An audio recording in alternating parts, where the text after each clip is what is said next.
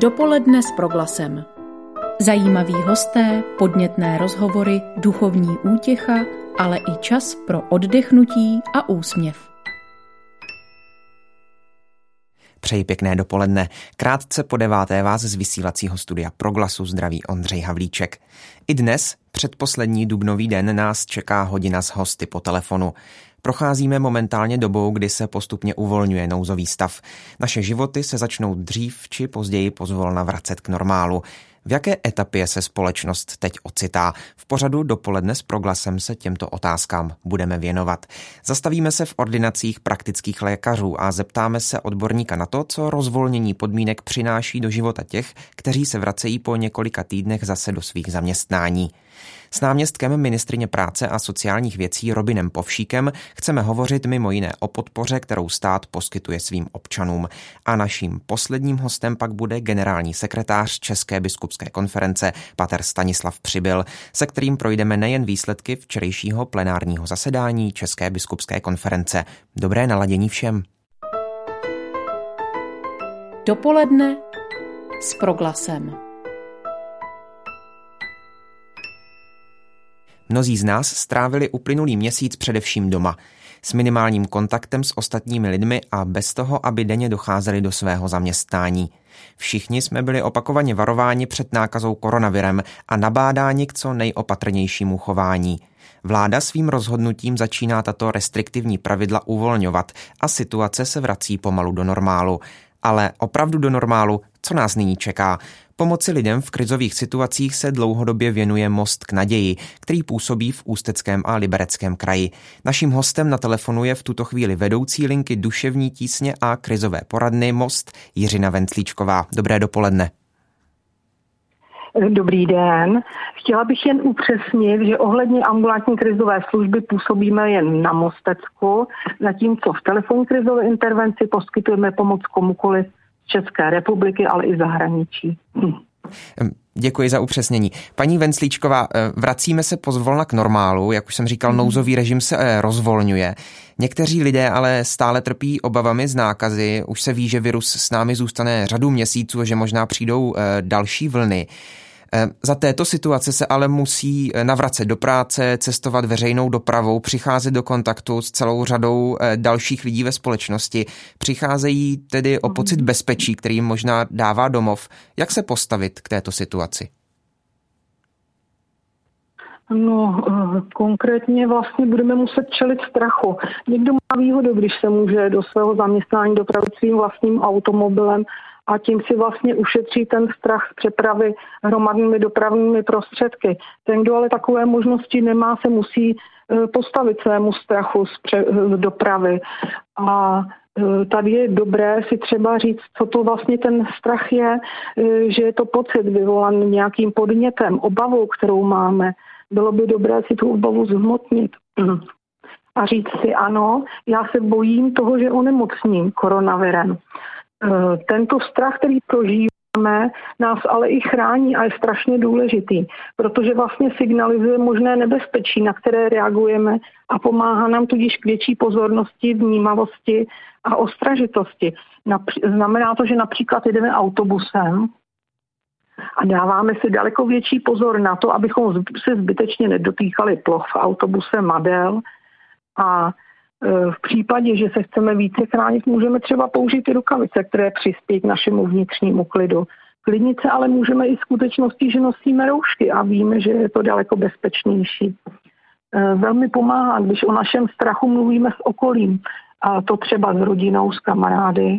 A v případě, že takové možnosti nemáme, pak se můžeme obrátit třeba na odborníky, eh, třeba z linek důvěry vyslovenými obavami se zbavujeme vlastně břemene, které nás tíží a to nám pak pomáhá. A to samé vlastně platí i s prací ve větším kolektivu. Vracíme se do práce a zase čelíme strachu a může nám pomoci si uvědomit, že na to nejsme sami, že i ty ostatní prožívají různé pocity, strachy, obavy a že o těch pocitech je potřeba mluvit. Mluvit třeba i s kolegy, s rodinou, s přáteli, je strašně důležité tyto strachy v sobě neuzavírat, protože to by nám později mohlo přinést mnohem větší obtíže, než prožíváme právě nyní. Vy u vás na lince jste zaznamenali zvýš, zvýšený počet telefonátů eh, týkajících se třeba tohoto tématu návratu eh, lidí zpátky do společnosti? Mm-hmm, ano, zaznamenali.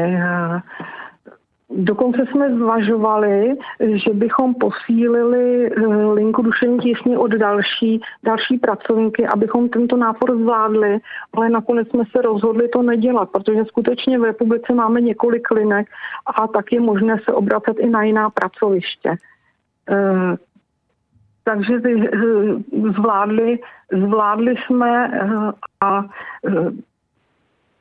Ustáli jsme to bez, bez uh, nějakých větších, větších problémů.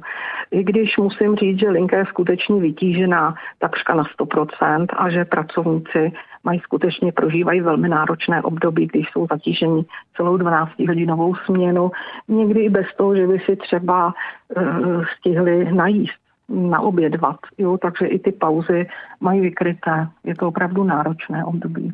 Dá se říci, kolik, eh, kolik klientů nebo zájemců zavolá během té 12-hodinové směny jednomu vašemu pracovníkovi, nebo je to mm, velmi rozdílné? Uh, úplně nejsem schopna uh, říct přesný počet, kolik lidí zavolá, ale denně ošetřujeme uh, zhruba tak 25 hovorů, někdy i více dlouhých. Když jsou kratší, tak samozřejmě se dovolá mnohem více lidí. Volají na skypové bezplatné volání, ale volají i na pevnou linku, která je spoplatněna běžným tarifem. A jak říkám, jeden den je to méně, druhý den více, záleží na tom, jak ten hovor je dlouhý. Když řešíme velmi závažné témata, které se týkají vlastně ohrožení zdraví života, pak samozřejmě eh, ty hovory jsou, jsou o něco delší. Paní Venclíčková, my už jsme spolu mluvili uh, o tom, jak prožívají tu situaci lidé, kteří se třeba musí navracet zpátky do práce. Co ale eh, lidé, mm. kteří třeba zjistili, že jim ten režim home officeu, který si vyzkoušeli v těch posledních týdnech, velmi vyhovuje a je to trochu třeba rozdílný strach, nebo jak pracovat s tím, že se musím navrátit eh, do toho pracovního procesu, ze kterého jsem vlastně vypadl, protože jsem byl zvyklý teď pracovat z domova a třeba si ten režim vlastně nastavovat mnohem víc sám. Mhm. Tady je velmi důležité, abychom si stanovili vlastně ten konkrétní časový plán, abychom si řekli, ano, tak ráno vstanu 7 hodin, eh, posnídám, to stihnu do 8 hodin i s hygienou a pak tedy se vrhnu na práci, budu pracovat, já nevím, dvě hodiny, eh, pak si dám pauzu na toaletu a, a podobně. A takhle si vlastně rozkouskovat celý ten den, abych věděl, co v kterou dobu budu dělat. A to velmi pomůže k tomu, abych ne, aby člověk nestrácel výkonnost, aby si odvedl svoje pracovní povinnosti a aby, se, aby, se, aby nedošlo k nějakému propadu a neměl sám pak nějaké obtíže v zaměstnání tím, že neodezdá to, co musí, protože vlastně v tom domácím prostředí ho to svádí třeba k větší lenivosti, tak počkám chvilku, zapnu si televizi, a nebo si, se při, si přispím chvilku a bude, bude to v pořádku. Takže je dobrý si rozkouskovat čas, to je velmi důležité. Mm, mluvíme teď na proglasu v, dopol, v, do, v dopoledním vysílání. Pardon? Ano. A my jsme, asi, asi tam byl nějaký šum, já se omlouvám. E, naším hostem po telefonu je teď e, ještě dále Jiřina Venclíčková, vedoucí linky Duševní tísně a krizové poradny Most e, v organizaci Most k naději. Paní Venclíčková, už jsme mluvili o tom, že lidé mohou mít obavy pracovat ve větším kolektivu. Mnohem horší variantou hmm. je ale o práci přijít a to reálně mnohým hrozí. Jak projít tímto mm-hmm. velmi náročným obdobím? Mm-hmm. Ztráta zaměstnání samozřejmě pro někoho může znamenat obrovské trauma. Je to zřejmě, je to hlavně teda eh, pro pracovníky, kteří eh, ve firmě byli třeba 30 let. Samozřejmě, že jinak to bude člověk, který je ve zkušební době a byl propuštěn, tak tomu až zase taková újma jakoby nehrozila, i když samozřejmě to také bude jako velkou ztrátu. Ale pro dlouhodobého letitého zaměstnance to může eh, přerůst i ve větší psychické obtíže, protože tento člověk si pak není jist při hledání nového zaměstnání, bojí se, že nezvládne novou práci, že vlastně nic jiného neumí, ztrácí zkrátka to sebevědomí a to může působit pak daleko větší obtíže. Samozřejmě těch lidí, kteří přijdou o práci, bude daleko víc a zřejmě bude i obtížnější pak novou práci nalézt. Nicméně je hodně důležité eh, kontaktovat známé, eh, sledovat inzeráty a věřit si, že eh, tuto dobu překonám a že zvládnu, zvládnu najít třeba podobnou, podobné zaměstnání, kde si budu jist. Mluvili jsme teď hodně o zaměstnání, pojďme od toho eh, celkově ke společnosti. Už šest týdnů jsme v nouzovém stavu, na většině eh, lidí mhm. pozorujeme únavu, vyčerpání, eh, na některých třeba i neochotu dodržovat pravidla. Jak se proměnila podle vás nálada ve společnosti a případně jaké stopy může zanechat toto náročné období na naší psychické kondici?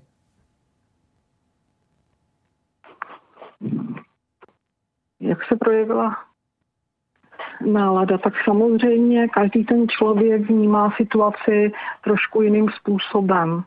Uh, omezení, která byla spojena uh, s nouzovým stavem, nás uh, vlastně posunula úplně někam jinam, někdy nás vykolila z našich životů. Eh, pro někoho vlastně ztráta zaměstnání znamená ztrátu zaměstnání, ukončení živnosti, finanční problémy, ale třeba i problémy se zajištěním rodiny, zajištění svých firmních zaměstnanců.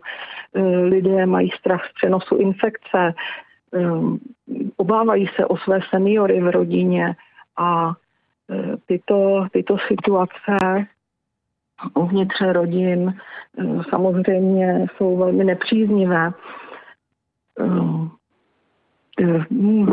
zeptám se vás ještě jednou na otázku. Omlouvám se. Mm, o ten, ptal jsem se na tu náladu, o té jste trochu mluvila a taky mě zajímá, eh, jaké stopy zanechá tohle období na nás, na naší psychické kondici. Tak určitě, určitě je to odlišné člověk od člověka. Tak, jak jsme psychicky vybaveni, jak jsme schopni zvládat. Důležité je se navzájem vlastně podepřít a uvědomovat si, že na to nejsme sami. Eh, musím, musím říct, že mě velmi těšila třeba reakce lidí, kteří se nám ozývají ze zahraničí a kteří jsou pišní na své češství.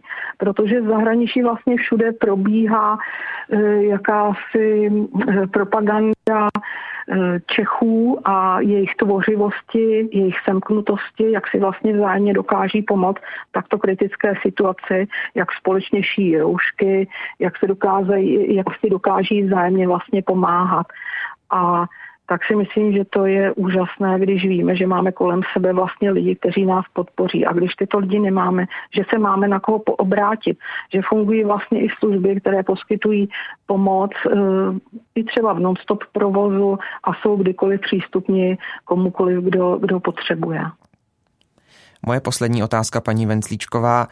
Um, Mnozí psychologové, psychoterapeutové, psychoterapeutové, se kterými eh, jsme mluvili jak v dopoledni s proglasem, tak eh, třeba kteří mluvili v jiných médiích nebo psali články, tak eh, mluvili a psali o tom, že by ta koronavirová krize a ta karanténa mohla přinést do našich životů uklidnění a ve výsledku taky restart. Tak proběhlo to? Podařilo se to lidem nebo, nebo jsme to spíš promarnili ten čas? No já si myslím, já jsem teda optimista a tak vidím plno pozitivních věcí. Eh, například, eh, jak jsem říkala, i to, že jsme si dokázali být vzájemnou oporou, že si dokážeme vzájemně pomáhat. A eh, myslím si, že toto krizové období jsme jakoby překonali navzdory těm skutečnostem a předpokladům. Samozřejmě, že ještě nemáme vyhráno a může přijít nějaká další vlna ale třeba mohla bych, mohla bych uvést uh, i jednu takovou úsměvnou pozitivní věc, eh, kterou nám tato doba přinesla. Zavřely se herny a třeba na naši linku se obrátil gambler, který vlastně první po více než roce byl schopen si zaplatit svůj nájem a nenaházet veškerý svůj zdroj příjmů ze zaměstnání do automatu, což se mi zdá jako velmi pozitivní věc. To jsme si vlastně vůbec ani neuvědomovali, co i tato omezení mohou přinést.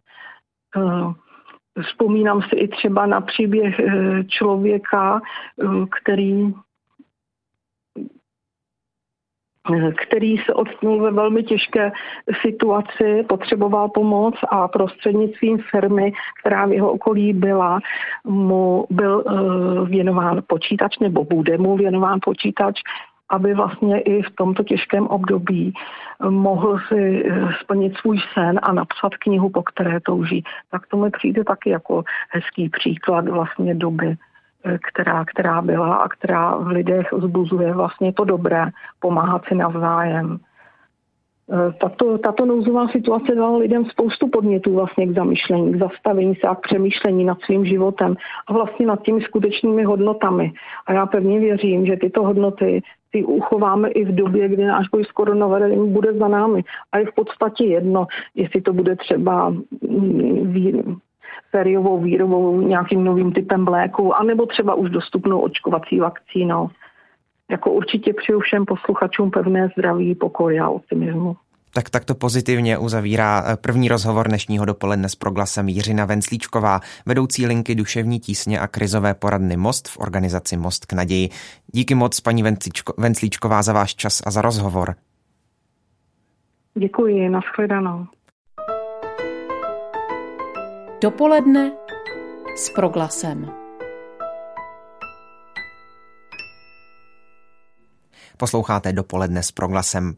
Drtivá většina praktických a dětských lékařů stále ordinuje. Na této skutečnosti nezměnil nic ani nouzový stav. Potýkají se stále s nedostatkem ochranných pomůcek? Spíše než běžné medicíně se teď věnují radám po telefonu, protože ty se v ordinacích ozývají stále. Jak vypadá distanční medicína a jak se změnil způsob práce lékařů?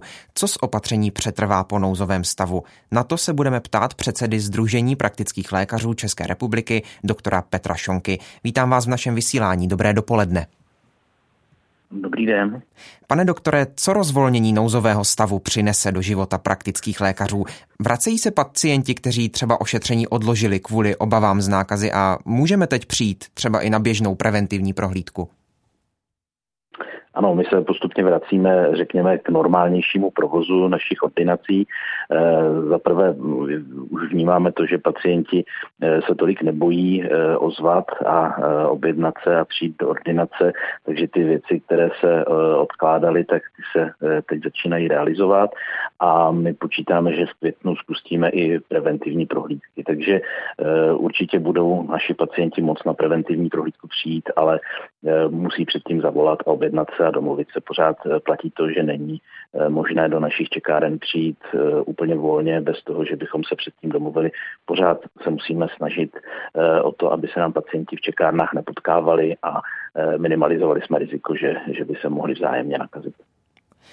Pane doktore, když se vrátíme o pár dnů a týdnů zpět, tak zjistíme, že příliš mnoho ordinací praktických lékařů nezavřelo podle dat největší české zdravotní pojišťovny.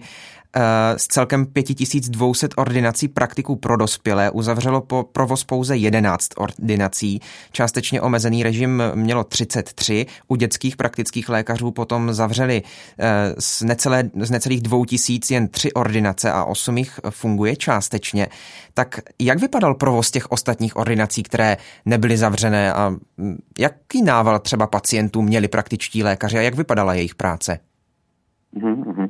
Ono se to ze začátku vyvíjelo, na začátku, když jsme prakticky neměli vůbec žádné ochranné pomůcky, nebo jsme jich měli minimum, eh, tak třeba ty ordinace byly domluvené dvě až tři společně. Eh, všichni lékaři teda seděli ve svých ordinacích a eh, ordinovali po telefonu distančně. Ono celá řada věcí se skutečně po tom telefonu, jak se ukázalo, vyřídit dá, dají se pacientům poslat samozřejmě elektronické recepty a v tomto ohledu díky za ně.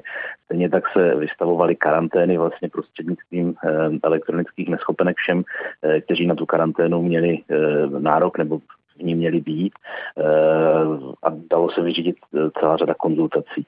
Eh, a ta jedna ordinace třeba ze tří fungovala tak, že když některý pacient těch tří ordinací bylo potřeba, aby byl akutně vyšetřen, aby prostě ho lékař viděl fyzicky, tak jsme ho nasměrovali tam. Tenhle stav už naštěstí není nutný, všichni máme pomůcek relativně rozumné množství, takže ordinace dnes fungují tak, že lékař sedí se sestrou v ordinaci, Pravda je, že máme zamčené čekárny, aby se nám nestalo to, že tam přijde nemocný eh, pacient eh, bez ohlášení. Eh, trváme na tom, aby se pacienti telefonicky kontaktovali předem.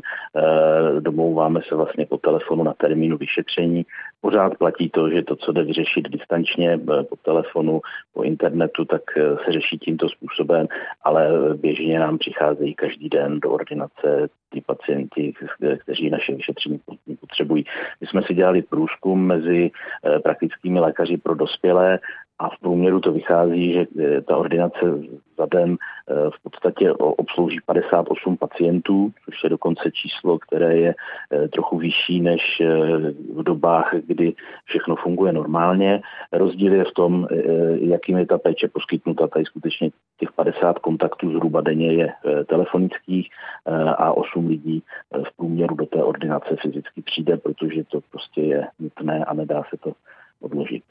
Tím, že samozřejmě předpokládáme, že tenhle poměr se začne měnit, že začneme pacienty zvát na preventivní prohlídky, na screeningové e, programy a tak dále, na ty věci, které skutečně šlo odložit. Ale musím říct, že e, v podstatě se asi nestalo, že by e, pacient nenašel praktického lékaře v případě, že od něho něco potřeboval akutně a měl akutní problémy. Kdy očekáváte, že se ta současná eh, situace změní? Teď myslím eh, situace, hm, jak fungují praktičtí lékaři a jejich ordinace. Tak k jakému datu se třeba dá v této chvíli očekávat, že se eh, více otevřou? Mm-hmm. Um, to uvolňování už vlastně probíhá a bude zřetelnější v průběhu května. Já si myslím, že už druhé půlce května ten provoz bude opravdu téměř eh, normální, samozřejmě s tím, že eh, musíme respektovat eh, doporučení ministerstva zdravotnictví a sami pro své členy připravujeme ještě podrobný manuál, jak jak si zorganizovat práci. To doporučení třeba říká, že se v čekárně nesmí potkat více než tři pacienti, to znamená jeden, který vychází z ordinace, jeden, který čeká uvnitř a jeden, který přichází do té čekárny, což eh, samozřejmě kdo kdy viděl eh, čekárnu praktika, tak ví, že to je asi největší problém to takhle zorganizovat, eh, proto my pořád musíme, musíme v podstatě pacienty předem telefonicky objednávat, musíme konzultovat, zjistit, s čím vlastně přicházejí a ty pacienty rozdělit nějak podle potíží do určitých částí ordinační doby, aby se nám opravdu nepotkávali třeba staří pacienti s chronickými nemocemi, jako je cukrovka, jako je srdeční selhání eh, nebo, nebo hypertenze a celá řada dalších nemocí, kteří eh, v případě, že by byli v kontaktu s někým, kdo je nemocen, tak by to pro ně mohlo být fatální. A naopak ty pacienty, u kterých, eh, kteří přicházejí třeba už rovnou dopředu avizují, že mají nějakou respirační infekci, tak je prostě úplně oddělit. Ale samozřejmě musíme si uvědomit, že i mezi pacienty, kteří přicházejí s jinými potížemi, může být určité procento nosičů eh, tohoto onemocnění. Takže proto je pořád potřeba tu čekárnu udržovat v podstatě prázdnou a snažit se, aby se tihle lidé nepotkávali. Praktickým lékařům je eh, v průměru 57 let, nebo to je ten průměrný věk praktických lékařů, hmm. který se velmi blíží tedy už té nejohroženější eh, skupině seniorské právě nemocí COVID-19. Tak ehm, jak, jak budete pracovat, nebo jak budou pracovat praktičtí lékaři, kteří jsou v této věkové ohrožené skupině? Nahradí je třeba mladší kolegové, združí se nějaké ordinace do těch příštích týdnů? Um, ano, máte pravdu, eh, ten průměrný věk je takový, jak, jako říkáte, eh, vlastně 20% praktických lékařů je v důchodovém věku, eh, to znamená, kdyby zítra chtěli skončit, tak jim v tom nic nebrání. A opravdu poměrně velká část praktiků je i ve věku na těch 70 let, což je skupina, které vlastně ta vládní opatření doporučují, aby zůstávali doma a e, prakticky nevycházeli. E, I tito kolegové sedí ve svých ordinacích a ordinují a před nimi smekám e, a myslím si, že si zaslouží e, poděkování a náš obdiv. E, je to do určité míry nebo do značné míry e, odvaha. E, já si myslím, že my jsme se snažili nějakým způsobem tyhle kolegy chránit e, na začátku e, té epidemie, kdy, kdy oni byli zrovna ti, kteří, když se kolegové domlouvali, tak byli ti, kteří nemuseli ordinovat fyzicky a vzal to za ně mladší kolega. Tím, jak se samozřejmě budeme vracet k normálu, tak si myslím, že už tohle příliš možná nebude. Je tam opravdu důležité, důležité to, abychom byli vybaveni dostatkem ochranných prostředků, protože samozřejmě to problém, eh, když se nakazí kdokoliv a z nás, ale když se nakazí eh, takhle starší kolega, tak je samozřejmě velmi rizikový, ale e, myslím si, že jako je to tak velké číslo, že v podstatě aktuálně nahradit nelze. Jo? My pracujeme dlouhodobě na nějaké generační obměně, přichází nám ročně do oboru téměř 200 nových praktických lékařů, takže m, ta generační obměna jde poměrně rychle, ale vzhledem k tomu, že se léta neděla a ta populace praktiků nám takhle zestárla, tak to ještě pár let bude trvat. Petr Šonka, předseda Združení praktických lékařů, je teď hostem dopoledne s proglasem. Eh, pane doktore, vy jste ještě minulý týden, pokud se nepletu, bojovali s nedostatkem ochranných pomůcek, tak zlepšila se ta situace k dnešnímu dni? Uh, ano, musím říct, že ta situace se lepší postupně. Uh, ta pomoc státu opravdu přichází. Ehm, my jsme minulý týden mluvili o tom, že ne ve všech regionech je stejná, to pořád platí, že jsou kraje, kde ti lékaři dostávají těch ochranných pomůcek eh, podstatně víc a jsou kraje, kde je toho méně eh, a jsou bohužel i kraje, kde, kde k nám nedoputuje ani to, co nám ještě navíc posílá ministerstvo zdravotnictví, takže to asi byly ty, ty informace v minulém týdnu, které jsme se snažili eh, nějakým způsobem medializovat. Eh, je to spíš ale otázka nějaká komunikační a snad se to postupně bude lepšit. Jinak je to tak, že v podstatě se předpokládá, že ze státních zdrojů budeme ještě zásobováni, řekněme, v průběhu měsíce května a od června uh, už jsme byli upozorněni na to, že bychom v podstatě měli nakupovat ty pomůcky na volném trhu, který se snad začíná pomaličku rozjíždět. Zatím to ještě není úplně uh, možné a proto jsme za tu státní pomoc rádi, ale jinak bych uh, rád řekl, že v podstatě s tím počítáme, že se budeme zásobovat z vlastních, z vlastních prostředků, i když to znamená určité náklady navíc, kterými se předtím nepočítalo, protože ty pomůcky za prvé jsme v běžné praxi nepoužívali a za druhé jejich ceny, přestože klesají, tak jsou stále ještě násobné proti eh, cenám, které byly před eh, tou krizí. Poslední věc, která mě zajímá, je druhá vlna pandemie, která se očekává. Pokud přijde, jaké poučení si z uplynulých týdnů praktičtí lékaři ponesou? No, je to otázka, jestli přijde a pořád doufám, že nepřijde, ale samozřejmě nikdo z nás neví, jsou to jenom odhady musíme na to být připraveni. Musíme na to být připraveni právě tím, že máme eh, dostatečnou zásobu těch ochranných pomůcek. Eh, tu si určitě budeme muset i v dobách po koronaviru eh, držet třeba, řekněme, alespoň na měsíc zásobu, což teď nebylo běžné.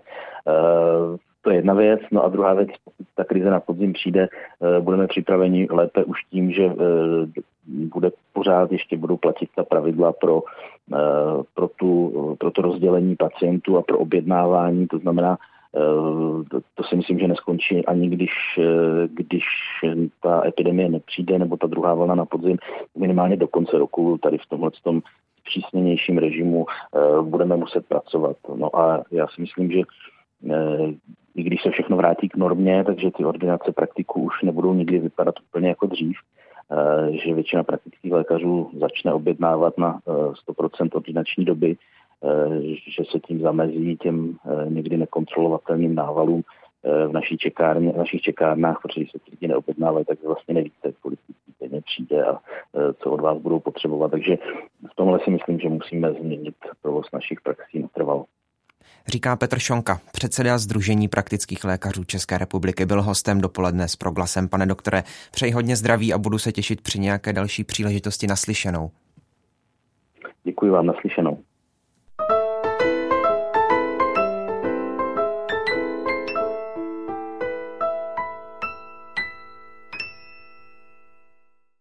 Stále je s vámi dopoledne s proglasem. Pandemie koronaviru se podle očekávání výrazně dotýká situace na trhu práce. Březnová čísla o počtech nezaměstnaných sice nepřinesla žádné velké výkyvy, ale ve statistických číslech úřadu práce se ztráta zaměstnání může projevit až později, za jeden až tři měsíce, protože lidé mají určitou výpovědní dobu. I někteří živnostníci vyčkávají, jak to bude s finanční pomocí od státu. Ve vysílání Radia Proglas teď vítám Robina Povšíka z ČSSD, náměstka ministrině práce a sociálních věcí. Dobrý den. Hezký den. Pane náměstku, jedním z těch hlavních nástrojů vlády pro boj s nezaměstnaností má být program Antivirus, který spustilo Ministerstvo práce a sociálních věcí. Můžete zjednodušeně popsat, jak ten program funguje? Já bych na úvod řekl, že to je program, na který my jsme skutečně opravdu velmi pišní, protože vznikl v rámci ministerstva během velice krátké doby. Dá se říci, že od myšlenky nějaké realizaci uplynulo jenom několik eh, málo týdnů. A je to program, který funguje na následujícím principu. Velmice, velice zjednodušeně eh, zaměstnavatel musí svému zaměstnanci vyplatit, eh, vyplatit mzdu, respektive náhradu mzdy za to, že například nechodí do práce, protože je jeho provozovna uzavřená, to se týká zejména třeba restaurací a eh, tam musí dát eh, příslušné příslušné částky tomu zaměstnanci, anebo to je prostě třeba z důvodu, že není odbyt nebo že nepřichází, nepřichází materiál, nepřichází díly, proto není možné vyrábět, poskytovat tu práci.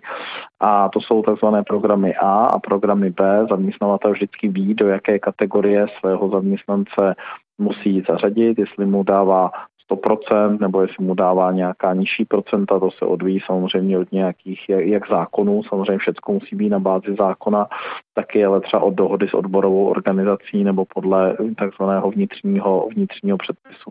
A ve chvíli ten zaměstnavatel mm, toto zaměstnanci zaplatí, tak eh, pak může dostat podporu prostřednictvím úřadu, úřadu práce.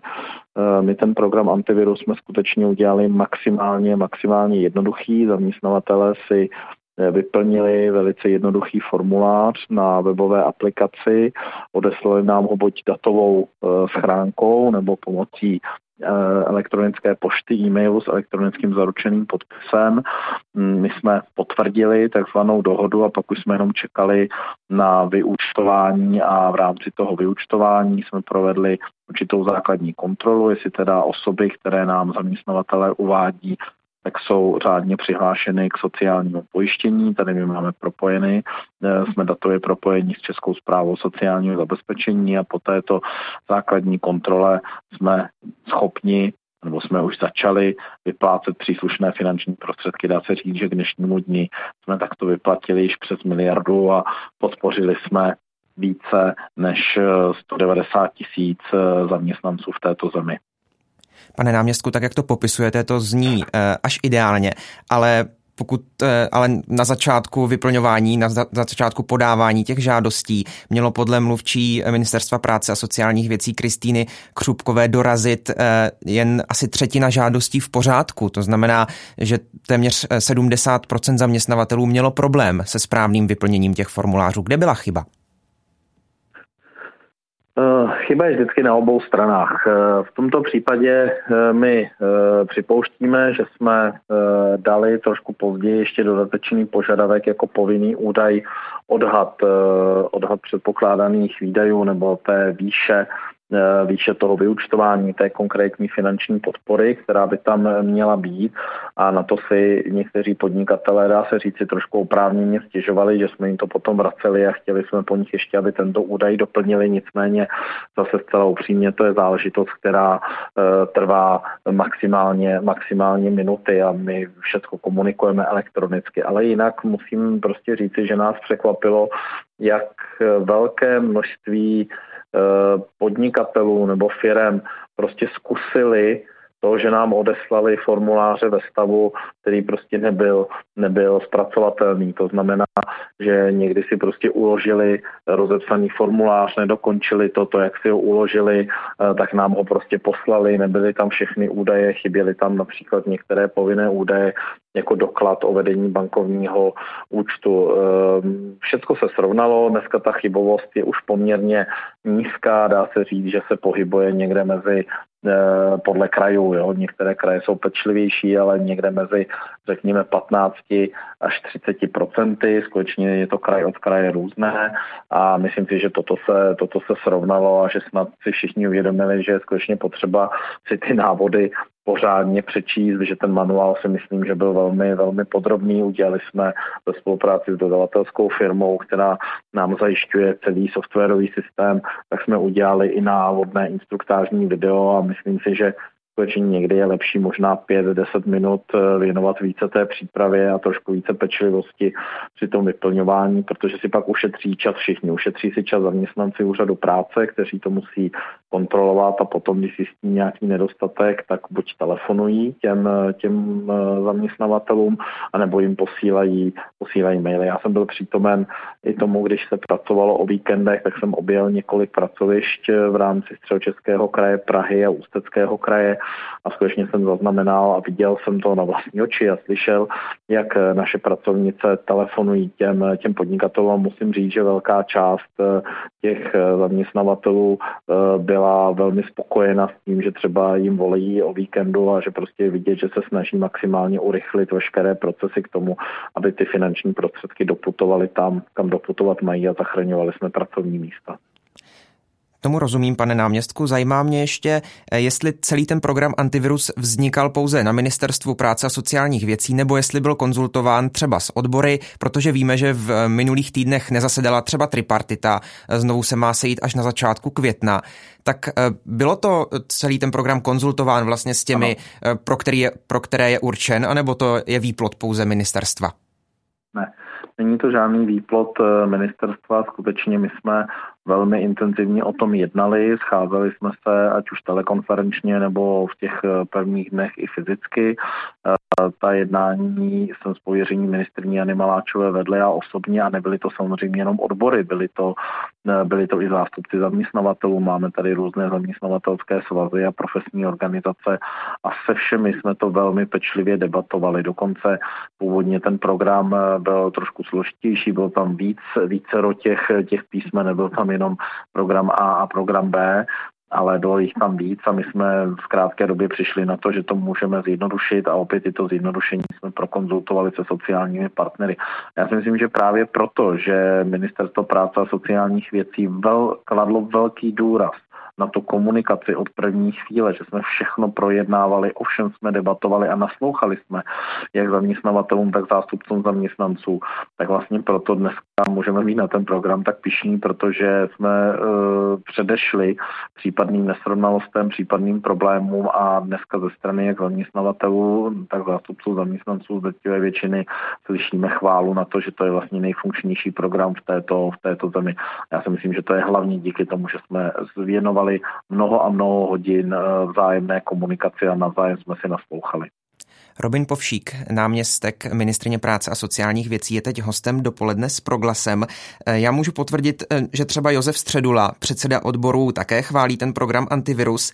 Eh, zároveň navrhuje vylepšení, že by stát měl nejdřív dát zaměstnavatelům zálohu, ze které by potom mohli zaplatit ty mzdy, protože takto, když nejdřív musí zaplatit a až potom dostanou ty peníze od státu, to pro některé může být velmi komplikované v této situaci, kdy třeba jim velmi klesají příjmy. Tak bude s tím ministerstvo pracovat?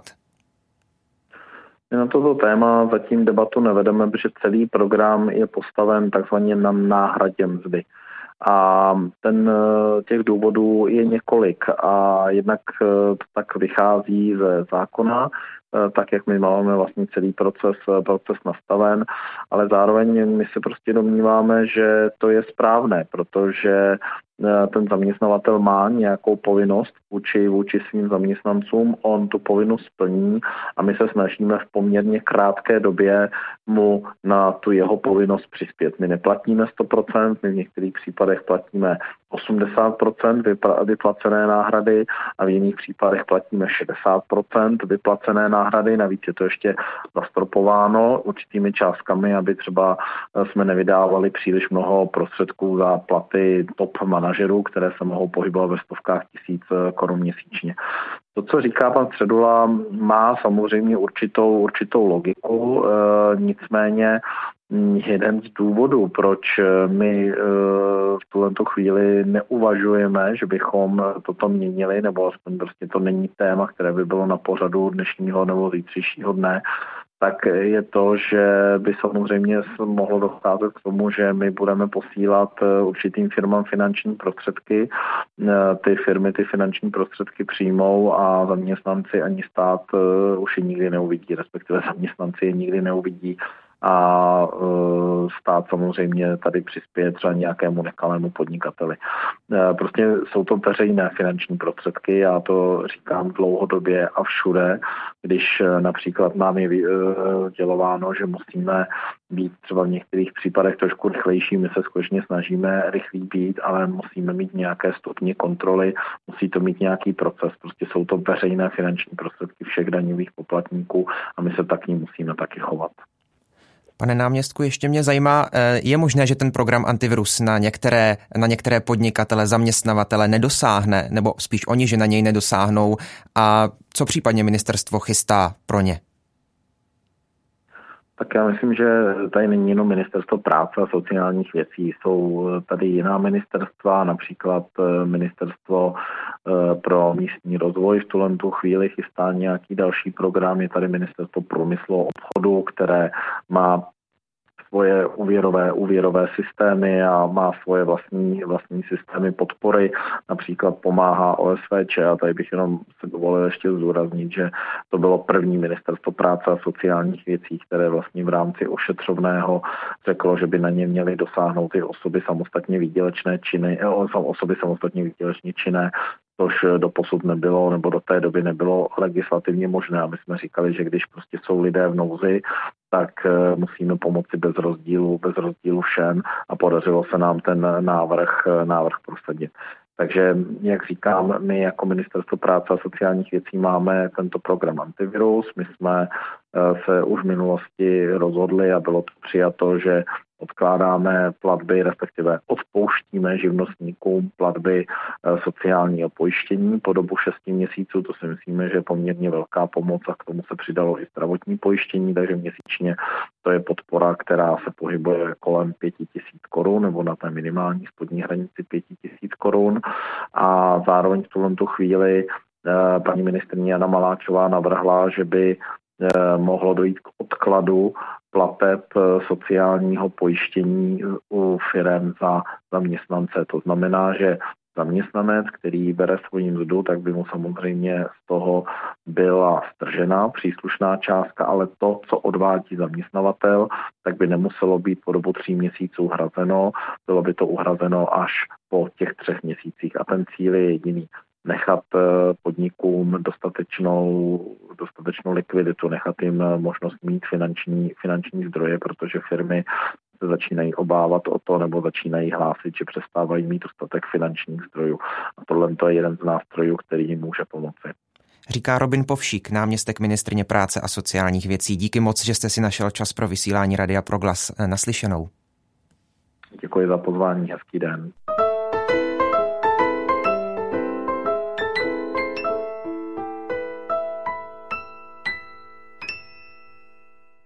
Naladili jste proglas, jeho dopoledním vysíláním vás provází Ondřej Havlíček. Po telefonních linkách nyní zdravím generálního sekretáře České biskupské konference Stanislava Přibyla. Dobré dopoledne. Dobré dopoledne. Tak katolická církev eh, má za sebou zcela novou zkušenost. Mám na mysli to uzavření kostelů pro věřící. Situace, kterou nikdo nepamatuje. Eh, I když byl třeba náboženský život omezen během totality, tato situace je úplně nová. Jak to farnosti zvládly? Dá se to už teď hodnotit? Tak určitě na hodnocení ještě bude dost času. Přece jenom, i když jsme snad na konci té takzvané koronavirové krize, tak ještě jsme přece jenom uvnitř. Ale už se dá říci, že eh, kreativita se projevila a že vlastně se to pro nás stalo více než nějakou krizí, tak šancí k tomu, abychom si osahali, co je na našem životě z víry podstatné a abychom třeba také si více vážili toho, co v běžných dnech je jakousi samozřejmostí či rutinou. Jak bude teď vypadat otvírání kostelů? Přiblížila, nebo je tu ta možnost teď už konat bohoslužby do 15 osob. Eh, jak to bude vypadat dál? A mluví o tom Česká biskupská konference s vládou? Uh, ano, my jsme uh, 14. dubna, tuším, při stále radě spolu s Ekumenickou radou církví požádali o to, aby abychom nebyli chápáni jako nějaká jaksi, společnost, která pořádá kulturní akce, ale zdůraznili jsme, že vlastně život z víry je podstatně také nesen tím společným slavením bohoslužeb, především Eucharistie a žádali jsme, aby se toto zohlednilo, protože pro nás je to opravdu života důležitá záležitost. Na to tedy došlo k tomu uvolnění do 15 lidí. Ta kritéria my jsme spíš předpokládali, že budou nějaká prostorová, protože 15 lidí v malém kostele není to tež, co 15 lidí v katedrále. Nicméně bylo to stanoveno, jak je to stanoveno. Zdá se, že budou další opatření, další rozvolňování pokračovat a že budou rychlejší než premiér řekl kdysi, tuším pro Rádio Z, kde uvedl nějaké hypotetické termíny toho uvolňování. Takže můžeme čekat, že další uvolňování bude snad následovat v nejbližších dnech. Zeptám se ještě na ty uplynulé týdny. Velkou roli hrály informační technologie, online přenosy a tak dál. Farnosti se zapojily rychle. Bude tato zkušenost využitelná i po opadnutí těchto opatření? Určitě. Já třeba mám tři farnosti na Českolipsku a mám tam dlouhodobě nemocné lidi, kteří jsou ale schopní si pustit počítač, nebo jim to někdo pustí a vím, jak pro ně bylo teď cené, nehledě na tu situaci kolem koronaviru, že se mohli s námi v té modlitbě spojit. A nešlo jenom o to, že tedy sledovali nějakou bohoslužbu, ale že to byla právě ta bohoslužba z našeho kostela. Takže já uvažuji o tom, že když bude někdo nemocný z té farnosti, takže zase budeme pokračovat v těch online bohoslužbách a myslím si, že takovéto využití je samozřejmě možné a že nás to jako dost posunulo v této oblasti. Pojďme ještě dál. Včera proběhlo jednodenní zasedání České biskupské konference, kde bylo mimo jiné zvoleno nové vedení. Novým předsedou se stal olomoucký arcibiskup Jan Graubner, místo předsedou potom královéhradecký biskup Jan Vokál. Je možné očekávat, že po změně vedení se změní něco, eh, nebo změní se to, jak bude Česká biskupská konference fungovat, nebo zůstane, zůstane vše, jak jsme zvyklí? To já sám nevím. Pochopitelně Eh, ty úřady jsou obsazené jinými lidmi, kteří mají jiný způsob jednání, jiné možná priority, to já v tuto chvíli netuším. Samozřejmě jako sekretář jsem v první řadě kruce předsedovi biskupské konference, tím je teď tedy někdo jiný, eh, pan arcibiskup Grauner, takže určitě nějaká změna nastane. Pro mě například v tom, že nebudu chodit eh, konzultovat ty věci do Prahy, ale do Olomouce. Zároveň se zeptám, jsou nějaké další závěry včerejšího zasedání? Protože tam nedošlo pouze eh, k té volbě, ale určitě následoval i další program. Tak o čem Česká biskupská konference rozhodla? Bylo to zasedání velice minimalistické právě z důvodu, řekněme, té současné, snad už opadávající epidemie, takže co se dalo, tak se odsunulo na jiná zasedání. Kromě toho, že biskupská konference má své vedení, které spočívá v tom, že se zvolí předseda, místo předseda a dva členové takzvané stálé rady, jakéhosi užšího vedení biskupské konference, které jedná i mezi plenárními zasedáními, tak každý biskup je zodpovědný za nějakou agendu. A to buď formou komise, což jsou taková grémia, kde jsou tři biskupové, kteří si potom mohou přizvat další lidi k odborné poradě a tak dále, anebo jsou to delegáti za určitou oblast. A právě tuto strukturu delegatur a komisí jsme podrobili revizi a jak si snažili jsme se tam, řekněme, aktualizovat situaci, o, o doplnit o ty nové agendy, které jsou jako například ochrana stvoření nebo prevence sexuálního zneužívání, aby to nebylo řešení nějaké ad hoc, ale aby opravdu i tyto nové agendy měly svého zodpovědného biskupa. Takže došlo trošku ke změně té struktury komisí a těch delegatur a potom do těchto pozic byly zvoleni příslušní biskupové. Takže to byla docela zásadní změna. Papež František eh, přesunul konání eh, celosvětového eh, setkání mládeže o rok později. Organizátoři toho českého setkání mládeže eh, také informovali o tom, že Česká biskupská konference bude jednat o tom, zda přesune toto konání na další rok. Tak eh, jak je to tady s tímto? Ano, to byl také bod, kde, kde se, jak si jsme zastavili nějakou dobu a hovořilo se o tom, ale vypadá to tak, že se nebude toto celostátní setkání mládeže přesouvat a že proběhne v původním termínu, tedy v příštím roce v Hradci Králové. A zeptám se ještě, na letošní tradiční dny lidí dobré vůle a Velehradskou národní pouť proběhnou? Proběhnou, ale nevíme v jaké formě, protože skutečně ty parametry se mění každý den. Je jasné, že to asi stěžka bude Eh, pouč o desítkách tisíc lidí, ale určitě proběhnou. Musíme ale počkat, jaký bude tedy výsledek těch různých uvolňování a jaké budou možnosti. Říká Stanislav Přibyl, generální sekretář České biskupské konference, byl teď posledním hostem dopoledne s proglasem. Díky moc za informace a za váš čas pro vysílání proglasu. Pěkný den. Děkuji, naslyšenou. Pořád dopoledne s proglasem nabídl posledního hosta a pomalu a jistě se nachýlil ke svému závěru. Zítra po deváté se na vás budu opět těšit na vlnách proglasu s dalšími tématy těchto dní. Za Kateřinu Rožovou, Petra Kazdu, Marcelu Kopeckou a Pavla Smolka, kteří dnešní vysílání připravili, se loučí také Ondřej Havlíček. Přeji dobrý poslech našeho vysílání i nadále a naslyšenou zítra. Dopoledne s proglasem. Každý všední den mezi devátou a desátou jsme v tom s vámi už 25 let.